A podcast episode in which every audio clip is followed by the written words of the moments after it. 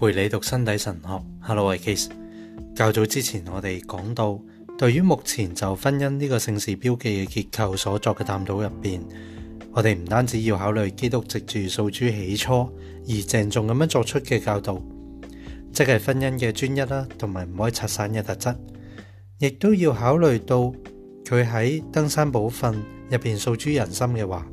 基督重提到唔可以奸淫嘅界命。從而去論述喺心入边奸淫啊！即係凡注事婦女有意去貪戀佢嘅，佢就喺心入边咧奸淫咗佢啦。婚姻呢個姓氏標記啦，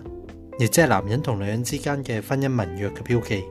係以身體嘅語言為依據而形成嘅。而呢個語言係曾經一度而且不斷咁樣按住真意所重讀嘅。当我哋肯定呢一点嘅时候，已经明白到，如果有人重读呢个语言，继而去表达佢嘅时候，继而去表达佢，但系所表达嘅呢，却唔系按住婚姻作为盟约同埋姓事所特定嘅要求。咁呢个人理所当然咁样喺道德上面呢，系一个带有贪欲嘅人，而呢个呢，同样适用于男人同埋女人，都均被视为带有贪欲嘅人。旧约先知喺运用类比去斥责以色列同埋犹大嘅淫乱嘅时候，必定系喺度斥责咁样嘅人。我哋分析过基督喺登山宝训嘅说话之后，更深入咁样明白到奸人本身嘅意思，同时亦都使我哋相信人心并唔系因为贪欲而遭到基督控诉同埋谴责嘅。相反咧，更重要嘅系。人心受到呼召，呢個就係嗰個源自福音嘅人學啊，同埋當代一啲針對人嘅傳释學兩者之間嘅關鍵分歧。後者當中一啲具影響力嘅代表人物，就係嗰啲所謂嘅次異大師啦。為咗繼續目前嘅分析，我哋可以提出，即。诶，即使佢形成咗婚姻呢个姓事标记，即使表达咗婚姻合意并将之实现，但系人自然咁样依然系带有贪欲嘅人。尽管如此，佢同时亦都系蒙召嘅人，佢系通过肉身救赎嘅奥秘去蒙召嘅。呢个嚟自上帝嘅奥秘，同时都喺基督身上。并为咗基督喺每一个人身上成为人嘅现实。此外，呢个奥秘意味住一种明确嘅道德观，而呢个道德观按其本质系人性嘅显示嚟嘅，亦即系我哋早前所称救赎嘅道德观。从基督喺登山宝训嘅说话嚟睇，并从整体嘅福音同埋新约睇嚟。三重嘅贪欲系冇破坏到重读身体嘅语言真义嘅能力，亦都冇破坏到以更成熟同埋全面嘅方式去重读呢个语言嘅能力。为住呢个真义性事嘅标记，首先喺举行礼仪嘅时候开始去建构，其后由新郎同埋新娘嘅整个婚姻生活去建构。由此睇嚟啊，我哋必须提出。贪欲本身使人喺重读身体嘅语言嘅时候产生嘅好多谬误，同时带嚟罪恶，即系违反诶贞洁嘅道德恶啦。无论喺婚姻关系嘅内外嘅贞洁嘅道德恶，尽管如此，为咗救熟嘅道德观而言，人总有可能从谬误走入去真义嘅，亦都有可能从罪恶重返去贞洁嘅，以表达随从圣灵嘅生活。咁样从福音教导同埋基督徒嘅角度嚟睇呢个问题，旧因历史入边嘅人啊，即系犯咗原罪之后嘅人呢，即系男人同女人呢，系有能力依据按住真意所重读嘅身体语言，成为圣事嘅标记，以表达夫妻之间嘅爱情啦、忠诚啦同埋真诚。而呢个系个恒久嘅标记，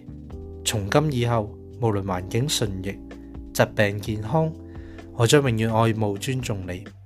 终身不渝，就系一个咁咁样嘅恒久标记。呢个就系话人真正系喺呢啲意义嘅原作者，而人喺重读身体嘅语言嘅真意之后，能够喺夫妻同埋家庭成员嘅位制共融入边咧，按住真意形成到呢个语言出嚟嘅。即系啱啱嗰个行嗰个标记啊，系人系嗰个作者啦。诶，重读啦，重读呢个身体嘅语言啦，重新去宣告呢个身体语言啦，重新去行出嚟啊，用身体去活出嚟啦。喺位制共同入边咧，可以形成到佢嘅。即使咧人系带有贪欲嘅人啦，但系佢依然有咁样嘅能力去形成呢个语言嘅。呢个系因为人同时系蒙基督嘅救赎。实在咁样去所呼召嚟嘅，即系话既系堕落嘅，亦都获得救赎嘅。婚姻作为圣事，有其特定嘅标记向度。呢个向度确认咗一种明确嘅神学入边嘅人学，亦即系一种以人为对象嘅诠释学。依喺呢一度咧，甚至乎有亦都可以称为咧圣事嘅诠释学。即系以诶喺喺姓氏为对象嘅一一种诠释学，同时解释紧诶上帝嘅标记所指向嘅恩典嘅。呢个由于呢个向度让我哋得以依据姓氏标记嘅分析嚟了解人，作为姓氏嘅私人人啦，同埋姓氏标记嘅建构者啦，个共同嘅建构者啦，人啦，男人同女人系有意识嘅主体嚟嘅。佢有自我决定嘅能力，只有喺呢个基础上面咧，人先能够成为身体嘅语言嘅原作者，并能够成为婚姻呢个标记嘅共同建构者。呢个系上帝嘅创造同埋肉身嘅救赎嘅标记。男人同埋女人系带有贪欲嘅人，呢个事实并冇完全损害到人去重读身体语言嘅争议嘅能力嘅。人系带有贪欲嘅人。但系同时能够辨别真实同埋虚假嘅身体嘅语言，亦都能够成为呢个语言嘅真实意义嘅建构者。我反过嚟讲啊，亦都可以咧，诶，成为呢个语言嘅一个虚假意义嘅建构者啦。咁啊，